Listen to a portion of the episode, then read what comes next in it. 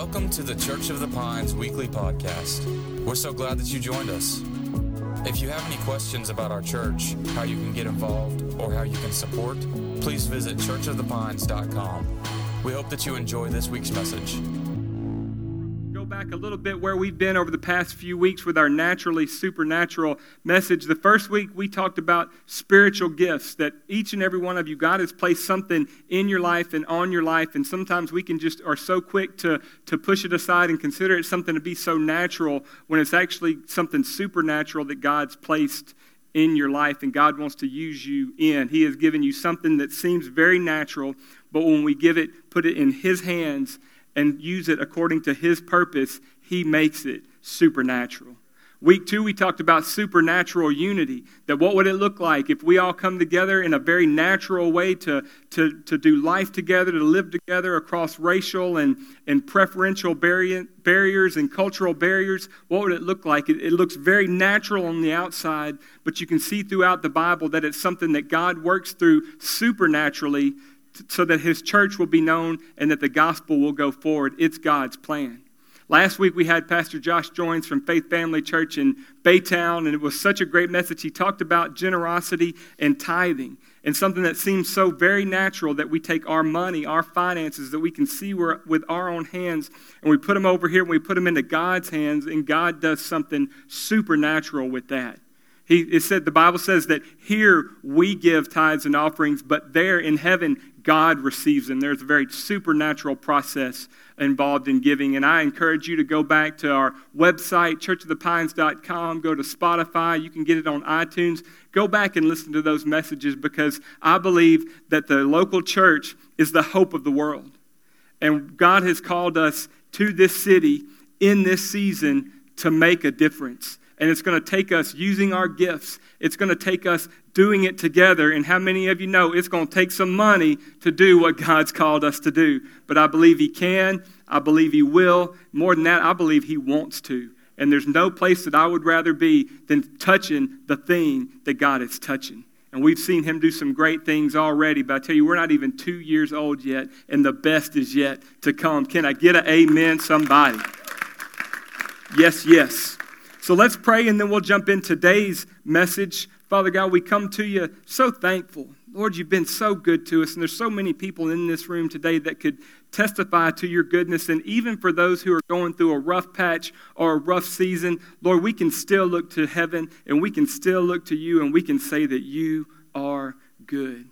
Lord, I thank you for your goodness, and I thank you that we can experience it even greater than we are right now as we press into you into everything that you want for us. Lord, we're getting ready to look into your word. And as we do that, Lord, I thank you that you give us eyes to see what you want us to see, ears to hear what you want us to know. Lord, help us experience something greater than we've ever experienced, not because we're so good, but because you're so good. We take our natural works and our natural words and we put them into your hand today and trust you to bring about something supernatural. As we do that, why don't you pray with me? We pray this every week. Say, Dear Lord, those things I don't know, Teach me those things that I haven't seen. Show me. And those things that you have prepared for me, prepare me. In Jesus' name. Amen. Man, it's so good to be in church with you today. I'm, I'm going to try to get through a, a message pretty quickly because we got something we want to do at the end today. But when we talk about naturally supernatural, I don't think that we can approach the subject or the topic without talking about the church. Everybody say the church. And I think that it even gets a little more meaning when we say it like that, when we say the church. Say it one more time the church. Put a little attitude in it with the church. I, I think that there is no, there has been no greater movement in the last 2,000 years than Christianity. That it moved from where it was when Jesus started in the backside of a desert with 12 knuckleheads. We call the disciples, we call them St. Peter and, and St. John, but back then they were just Peter and John, the disciples. We, we, some, we call them the disciples. We've always joked about it. It's more like the disciples. They just didn't seem to get it. And you got to think, Jesus has gone his earthly ministry, and they literally are in the backside of a desert. Jesus knows that he's going to go to the cross and he's going to die for the sins of the world. And, and he knows after three days from that that he's going to be raised to life again. But the disciples don't have a clue. As, as much as he tries to tell them and encourage them, they just don't get it. But there was this one time. There's one time there on the backside of a desert, Jesus is coaching his disciples up. He's training them for what he wants to send them out to do. And in, in this verse, in this passage that we're about to look at, we see the very first mention of the word church. Everybody say church. We see it right here. It's in Matthew chapter 16, verses 16 through 18. I'm going to actually start at the top. It says, Jesus came from the region of Caesarea Philippi, and he asked his disciples, he said, Who do people say that the Son of Man is? And he's talking about himself.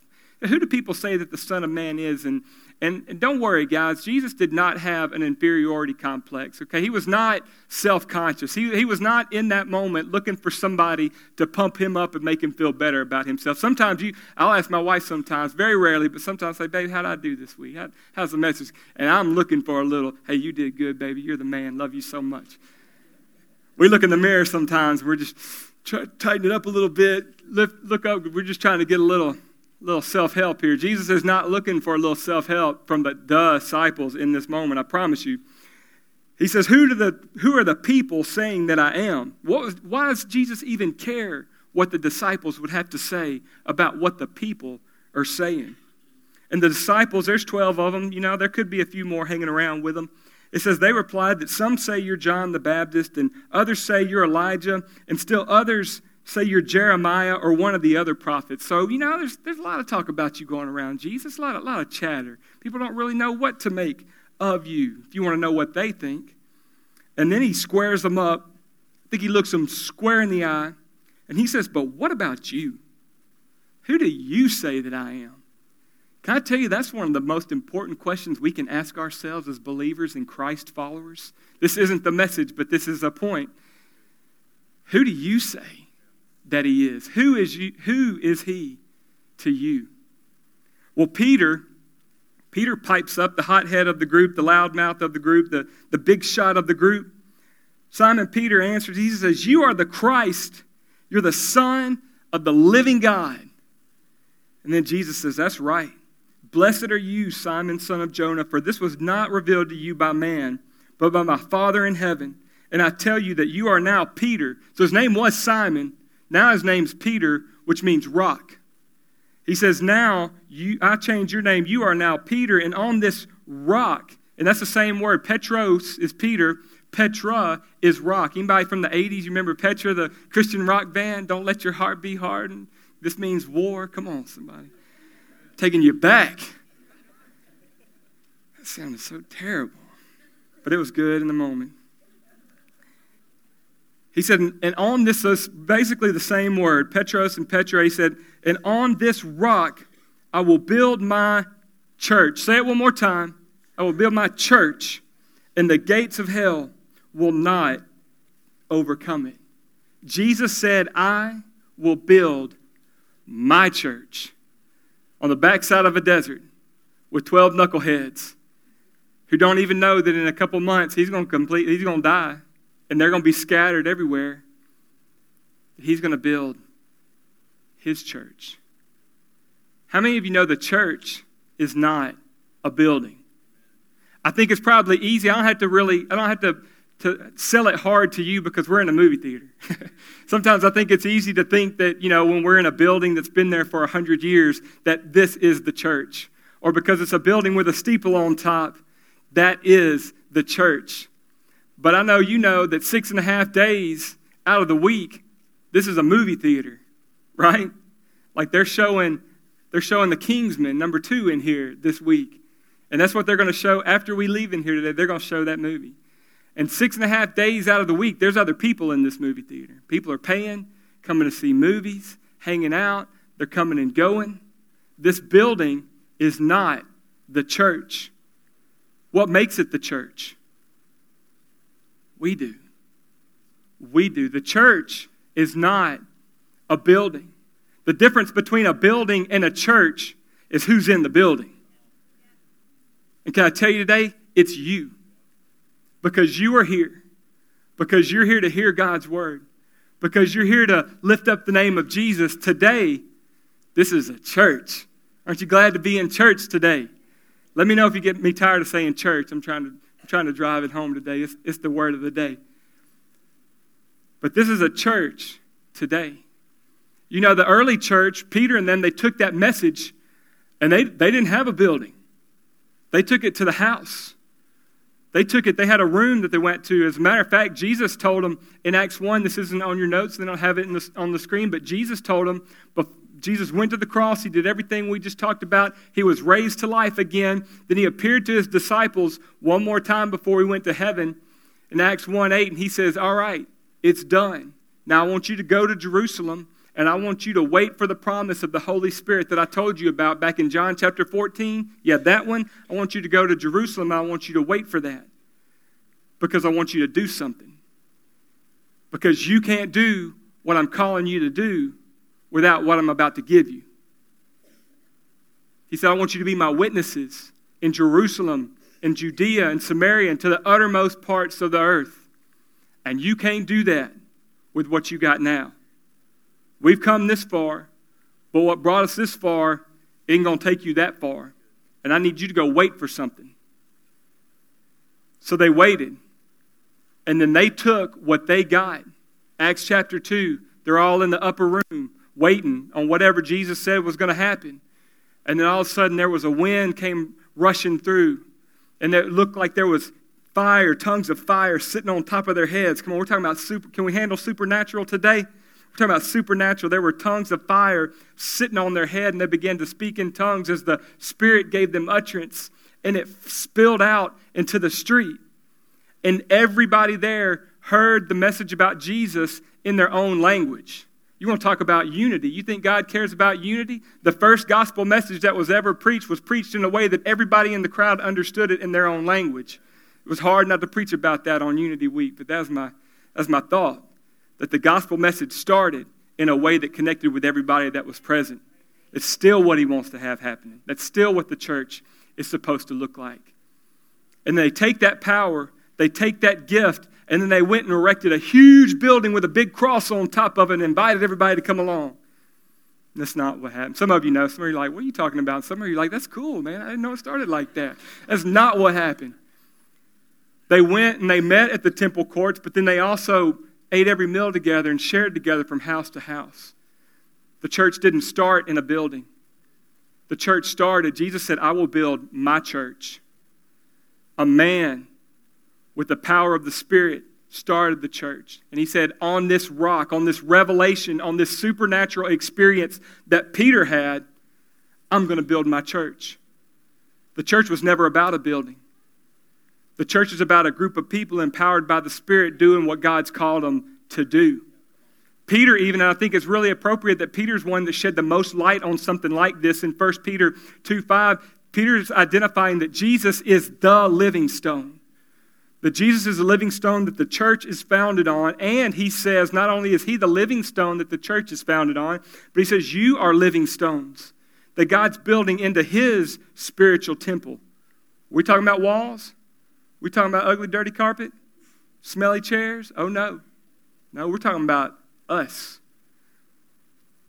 I started to say something. I'm not going to say it. What's more is you're his holy priests.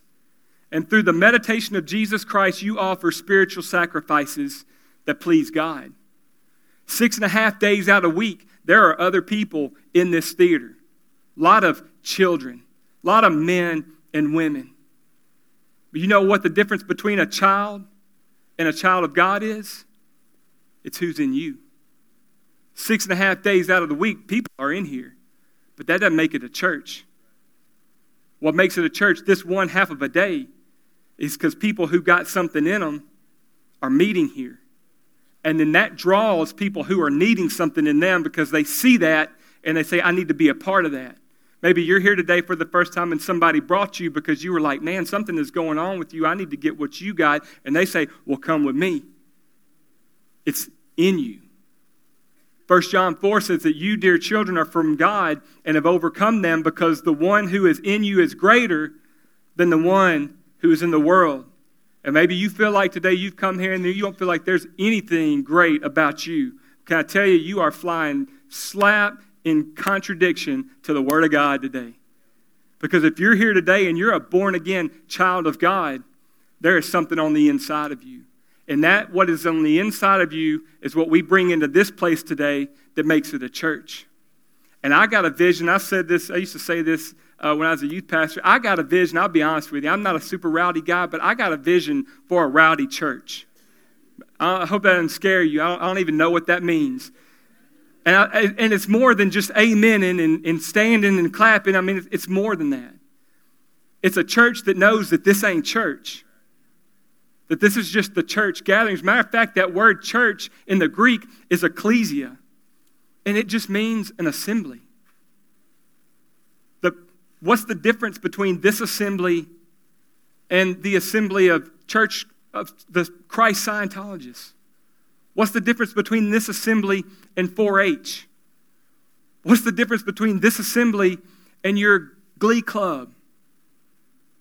It's the power of God, it's the Spirit of God that we bring in. And some of you are like, I didn't bring anything in. Oh, yes, you did. Now, I challenge you, you could bring more. But we could also take more that when we show up at Dixie Elementary on a Friday night, that we don't just show up just playing bingo and handing out candy, but we show up as the church, right? And not the church. They're like, oh God, here comes the church. Everybody hide. Here, here comes Pastor Les. Oh God, here comes it. No, uh uh-uh. They're like, thank God the church is here. Alive, full of something, and ready to give it out. There's this my, one of my favorite passages of Scripture, and we love Ephesians. Anybody love Ephesians in here, you Bible lovers? Matter of fact, we've got a small group that's been going called Walking Through Ephesians, and they've been going through that on Sunday nights. If you're looking for a small group, it's a great group to get involved with. But one of my favorite passages uh, in Ephesians is in Ephesians chapter 3. I want you to check it out. They're going to put it, I got part of it on the screen. I want to read the rest of it to you. I might have to find it because I don't think I marked it. And I'm very bad at Bible drill in front of people. At home, I'm really good at it, I promise. Oh, as a matter of fact, I did it in Amplified. I can't even read it out anyway. Here we go Ephesians chapter 3. I love this. This is Paul. He establishes the church in Ephesus. He writes him a letter. He says, I'm praying for you. Here's what I'm praying I'm praying for this reason. Grasping, just listen to this. You can close your eyes and pretend like I'm praying this for you right now. Just let this wash over you. For this reason, grasping the greatness of this plan by which Jews and Gentiles are joined together in Christ, I bow my knees in reverence before the Father of our Lord Jesus Christ, from whom every family in earth, in heaven and on earth derives its name. That God, the first and ultimate Father. May he grant you out of the riches of his glory to be strengthened and spiritually energized with power through the Holy Spirit in your inner self indwelling your innermost being and personality, so that Christ, that he can dwell in your hearts through your faith. And may you, having been deeply rooted and securely grounded in love, be fully capable of comprehending with all the saints, God's people, what the width and length and height and depth of God's love. Listen to this, and you can see it on the screen in parentheses, fully experiencing that amazing, endless love how many of you are ready to stop talking about it and start experiencing something? I lost my place. You laugh, it's fine. So that Christ may dwell in your hearts through faith, God's people, and that you may come to know practically through personal experience the love of Christ, which far surpasses, everybody say far surpasses, mere knowledge. It, doesn't, it surpasses knowledge. We don't want knowledge without experience. So that you may be filled up throughout your being to all the fullness of God, so that you may have the richest experience of God's presence in your life. Are you feeling this? Are you getting this this morning? That you may have the richest experience of God's presence in your lives, completely filled and flooded with God Himself. But you want to talk about something supernatural. The world, the church steps out of this movie theater onto those streets and into those schools. I believe when we take what God's put in us and put it out there, we will see a difference. Because there's a difference between being a child of God and having the richest experience of God's presence. Paul wasn't writing this to sinners, Paul was writing this to the church. And he says, I know where you are, but there's more. I know where you are, but there, there more. I know that you know this, but are you experiencing this? I know you see it, but are you doing it? There's more. There's a difference between being a child of God and having the richest experience of God's presence in your life. And the difference is what you do with who's in you. The same spirit, the same power that turns this from a movie theater into a church is the same power, is the same spirit that's on the inside of you to take this message and to take this life and to go live it out there. It's what we do with what is in us that makes the difference. And we've come to this city of Tyler, Texas, and people will say, Les, there's 300 something churches in Tyler. Why did you come here? Because I know that there's a bunch of people in our city who don't know this. There's a lot of people in our city who haven't experienced this, that aren't living this, not because, not because they're stubborn, not because they're pig headed, but because we don't know. And God wants to do something great in and through you. I, I read this quote, I put it in your, it's going to be on the screen from a church history book. He said, There is no real enlightenment, no lasting benefits, unless achievement springs from a soil in which the seed of the Spirit is also planted. That we've got these gifts, we've got these talents, we've got these things that seem so super, so natural. But until we put them over to God's hand, until we take our gift and plant it with the gift of the Spirit and put those together, does it go out and do what God intended it to do? Does it go out with the power that we read about in the Bible? Do you know that it was really only 100 years into church history that they started living carnal living for themselves? It was only 100 years that they really stopped going from the, that they went from the supernatural spiritual stuff to following the rules, to walking, the, to doing the stuff. Hey, let's make sure everybody gets fed. Hey, let's make sure everybody's feeling good. Hey, let's make sure everybody's got a roof over their house, over their head. I'm all for all of that. But if we go out and do that without going out full of the Spirit and the power that God's placed on the inside of us, it will fall flat. The power that is in you activates the gift that God's placed in you. Somebody needs to write that down.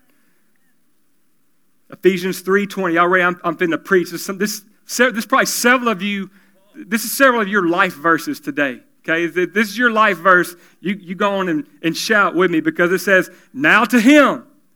Come on, somebody. Now to him who is able, right? Come on. To carry out his purpose and do super abundantly more than all we dare to ask or think, right? Amen?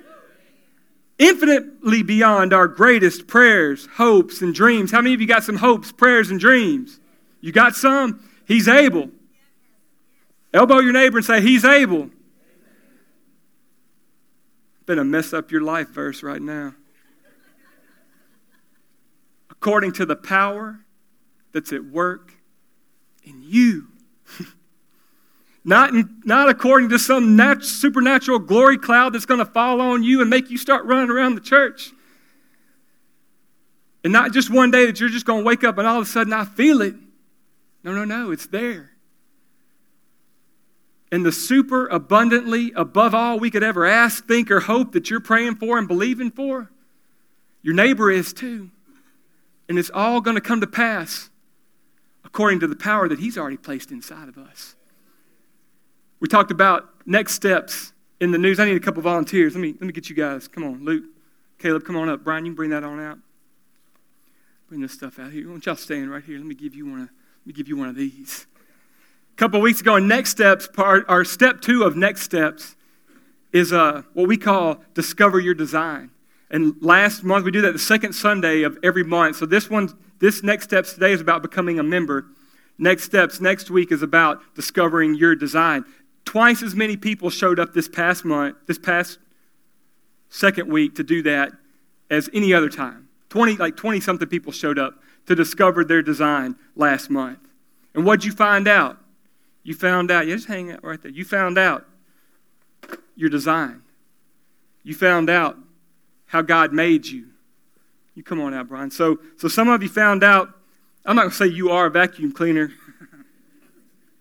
but some, some of you found out how you're wired. So this is a vacuum cleaner, right? You just want to say this is a vacuum cleaner. And in this vacuum cleaner is a design, right? There's a motor, there's wires. This thing is made to suck the dirt off of this nasty theater floor, okay? You, you know what a vacuum cleaner is designed for, okay? This is what it's made for. And some of you, you've discovered this is what I was made for. But then sometimes we're like this vacuum cleaner, and there we stand. And how many of you wives know you look at your husband sometimes and you say, that vacuum cleaner ain't to work itself. Go home, go on, husbands. Just go home and start vacuuming. You'll thank me later. So, what does it take? What happens when you take something that's designed to do a job? What happens when you put some power to it? Hit the button. You got to hit the button. That's a vacuum cleaner. That's right. Now it can do, there you go. Now it can do what it was designed to do. Was it designed to do that before it had the power? But it couldn't do it without the power. Can we agree? Let's talk about this lamp real quick. Luke's got this lamp. Everybody say, hey, Luke. Hey, Luke just moved from Maine last week. Y'all make him feel at home. He just, we call him Luke from Maine. That's, that's his nickname. He just came just to, he wants to come be a part of the church. So we're so glad that you're here, Luke. So let's, what is this? Is this, this a lamp? We know that. It's got a light bulb. It's got wires running through it, right? And Luke's holding it, and that's, it's a lamp designed to light some stuff up. It ain't lighting nothing up. Why not? needs power. Go on, plug it in. Whoa, I'm, a, I'm magic, right? Is it, is it, it's, it's not magic. It's not magic. There's nothing secret about how this works. You can go look this up online. Go, go, go Google it on, on how electricity works. Thank you guys. Y'all can put that in. There's nothing magical about that. We know exactly how that works. It's the same way that God works, but it's supernatural. That God has designed you on purpose, for a purpose. And for some of you, I'll even say a lot of you, the reason that you haven't stepped out into that yet because you haven't tapped in to the power. And the disciples in the book of Acts, they just went up to the room just like Jesus. I mean, they were just doing exactly what Jesus told them to do go wait. And the Spirit fell on them, and they were empowered to go preach the first gospel message. Today, my prayer for you is that you would pray. I can pray for you all day long. My prayer today is that you would pray, Lord, I need your power. Lord, I've got this. I, I, I got this thing that it just never, it just never, I need your power. And can I tell you what he's going to do? He's going to say, You got it. Let me help you walk in it. Truth is, it's already in you. He is not holding back his spirit from you at all. The same power that raised Christ from the dead now lives in your mortal body. And now to finish up Ephesians 3:20, your life verse, now that we know that, that his supernatural abundantly above everything I could ask or hope for, it ain't for me. It's for his purpose. It says, To him be glory in the where? In the church. Again, that's not in here. Now, we come in here today and we bring him glory. We come to, today together as the church to bring him glory. That's what makes it great. And let me encourage you if there's something in our church and you feel like there's a little something missing, I'm going to ask you to bring that little extra. If we want to experience God in a new way, or we want to experience God in a fresh way, or you think there should be a little more life in this, or a little more something over there, then we can bring it, right? We bring it ourselves because to him be all the glory in the church and in Christ Jesus throughout all generations, forever and ever. And everybody said a good Amen. We are the church. children of God because, who li- because of who lives in us, ready to do whatever He's called us to do with the gifts and the talents empowered by His Spirit.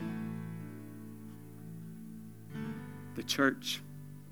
I want to close with one thought because this isn't the only way that the Bible talks about the church. First Corinthians, Paul talks about the church, but he compares the church, he calls it the body of Christ. Maybe you've heard that before. 1 Corinthians chapter 12, I did mark that one. And It's back here.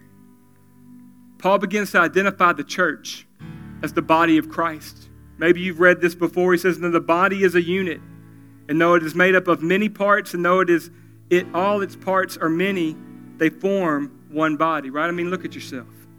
You got many parts, right? Feet and ears and hands and nose and eyes and eyelashes and toenails and pinky toenails. You got all these all these pieces, all these parts. What do they do? They all, when they're all working right, they all work together. For we were all baptized by one Spirit. You see that? Supernatural. As a church, we've been baptized with one Spirit. So now we're one body. And we were all given the one Spirit. Now, the body is not made up of one part, but of many. And so, if the foot should say, Because I am not a hand, I do not belong to the body. Sometimes you can come in here and you can look around. And you can say, I, I'm here, but I, maybe there's nobody who looks like me. Maybe there's nobody, some, something, I can't find, I don't find my place. I don't, but can I tell you, God's called you to be a part of the body. And if God, by one Spirit and one unity, has brought us together, do you know what that means? That means you belong. The hand can't say to the rest of the body, because I don't look like you, I don't belong. You belong in the body of Christ. And there ain't no bunions in the body of Christ. Amen? Ain't no bunions. We're all working, contributing parts. We're not, none of us are parts that we wish we could go lance off or break off or have surgery on. No, no, no, no. We're good parts. We're the parts we want. Although some get more attention than others do. Which is the next thing. He says, The eye cannot say to the hand in verse 21, I don't need you. So we can never look at each other and say, Hey, you don't look like me. You don't sound like me. Hey, we got a couple of little non essential, non eternal uh, doctrinal issues. So that's why we got 350 churches in our city. Everybody thinks they know more than everybody else. Sorry, I didn't mean to say that. I love everybody. But we can look at people who don't look like us and think like us and dress like us and talk like us and we can think, well, you want to go somewhere else because you're not needed here. But that ain't the body. Every part of the body is needed. It's like roaches in the animal kingdom, you know? We're like, why? But there's a reason. Some of you look at yourself in the mirror and you're like, man, why do I have that?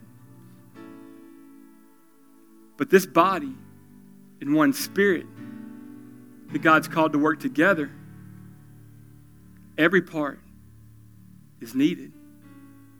You belong and you are needed. Somebody needs to hear that today. I just felt so, because I, I, was trying to go a whole other direction with this little last part. I was trying to talk about get plugged in, get put out, do all. And this is what I came to that you belong and you need it. The body needs you. It's not functioning properly without you. Okay, you, you come into this church on Sunday mornings and you just walk in at five after or whatever, you're halfway through the second song, and you can look around and everything's going, and you're like, man, they don't need me. I'm just going to slide in. Can I tell you, everything's running pretty good, but it could be better. And it would be better if all the parts of the body knew that they were needed, knew that they belonged, and we were working together. He says, Now you are the body, and each one of you a part of it. And in the church, God has appointed, first of all, apostles, second, prophets, third, teachers, then workers of miracles, all those having gifts of healings. And you're like, Les, I ain't got none of that. Okay, hold on a second. those able to help others, those with gifts of administration, and those speaking in different kinds of tongues. So that's a whole wide list, and you're going, oh, now we're talking supernatural, right? Like, where are we going? But check this out. He says, he lists this list that uh, we can so quickly think disqualifies us. He says, they're all apostles? What's, anybody want to take a guess at what his, his implied answer is there? No. Thank you. Be bold. Are all apostles? No. Are all prophets? No. Do all work miracles? I'm, I'm just saying, I'm not trying to start a, a theological debate here. I'm just, this is what he's saying in this moment. We can kind of take the whole counsel of Scripture in, make you feel better about it later. Do all work miracles? No. Do all have gifts of healings? No. Do all speak in tongues? No. Do all interpret? No. But eagerly desire the greater gifts.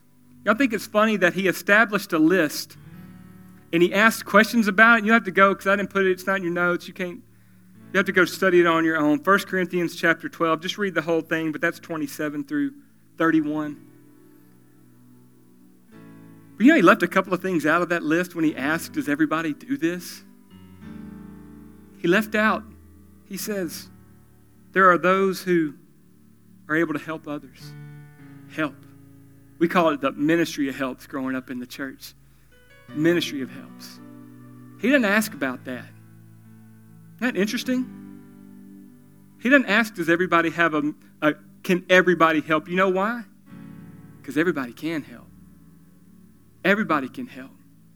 And then he also, he doesn't ask the, those with gifts of administration, is what it says in the NIV. Other translations say with those of the gift of leadership. You know, it's interesting. He doesn't ask, does everybody have that? And I firmly believe that because of his omission in declaring that list, that means everybody can lead. Everybody can help, and everybody can lead. And maybe today you're like that vacuum cleaner, or you're like that lamp. And you're like, just, I, I, I know what I got. I just don't have a way to put it out. Start helping. Start helping. Start leading. You're like, I'm not a leader. Leadership is just influence. Come today, stay for step one, go all the way through, and we'll tell you all about it. But you can help, and you can lead, and you are needed, and you belong. Today in your worship guide, we stuck a little card in there on one side, it says, I found my team. On the other side, it has some teams listed. And I want to give you the opportunity today to take a step towards belonging. Today, I want to ask every one of you to take a step towards helping, to take a step towards leading. You can pull it out, it's in there, and just ask you to fill that out. And everybody on our team's going to do it.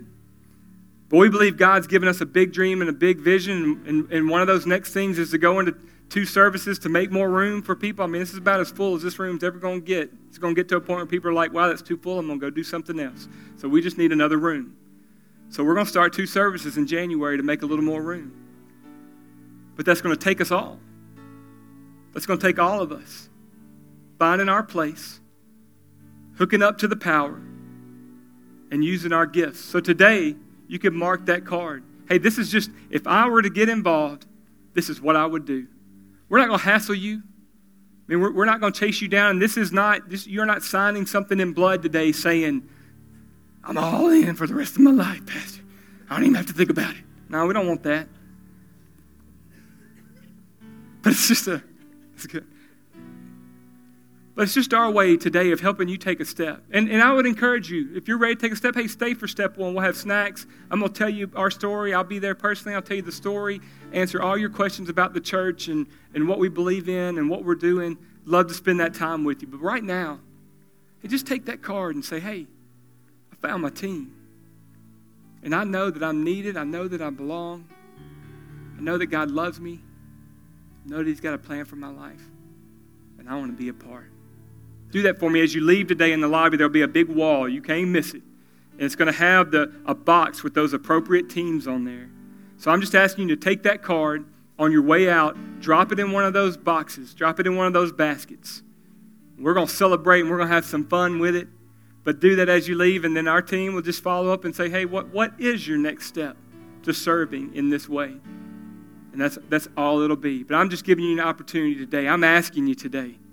Hey, if you love God and you love this church and you love what God's doing here, hey, let's go in. Let's go for it. Let's do it.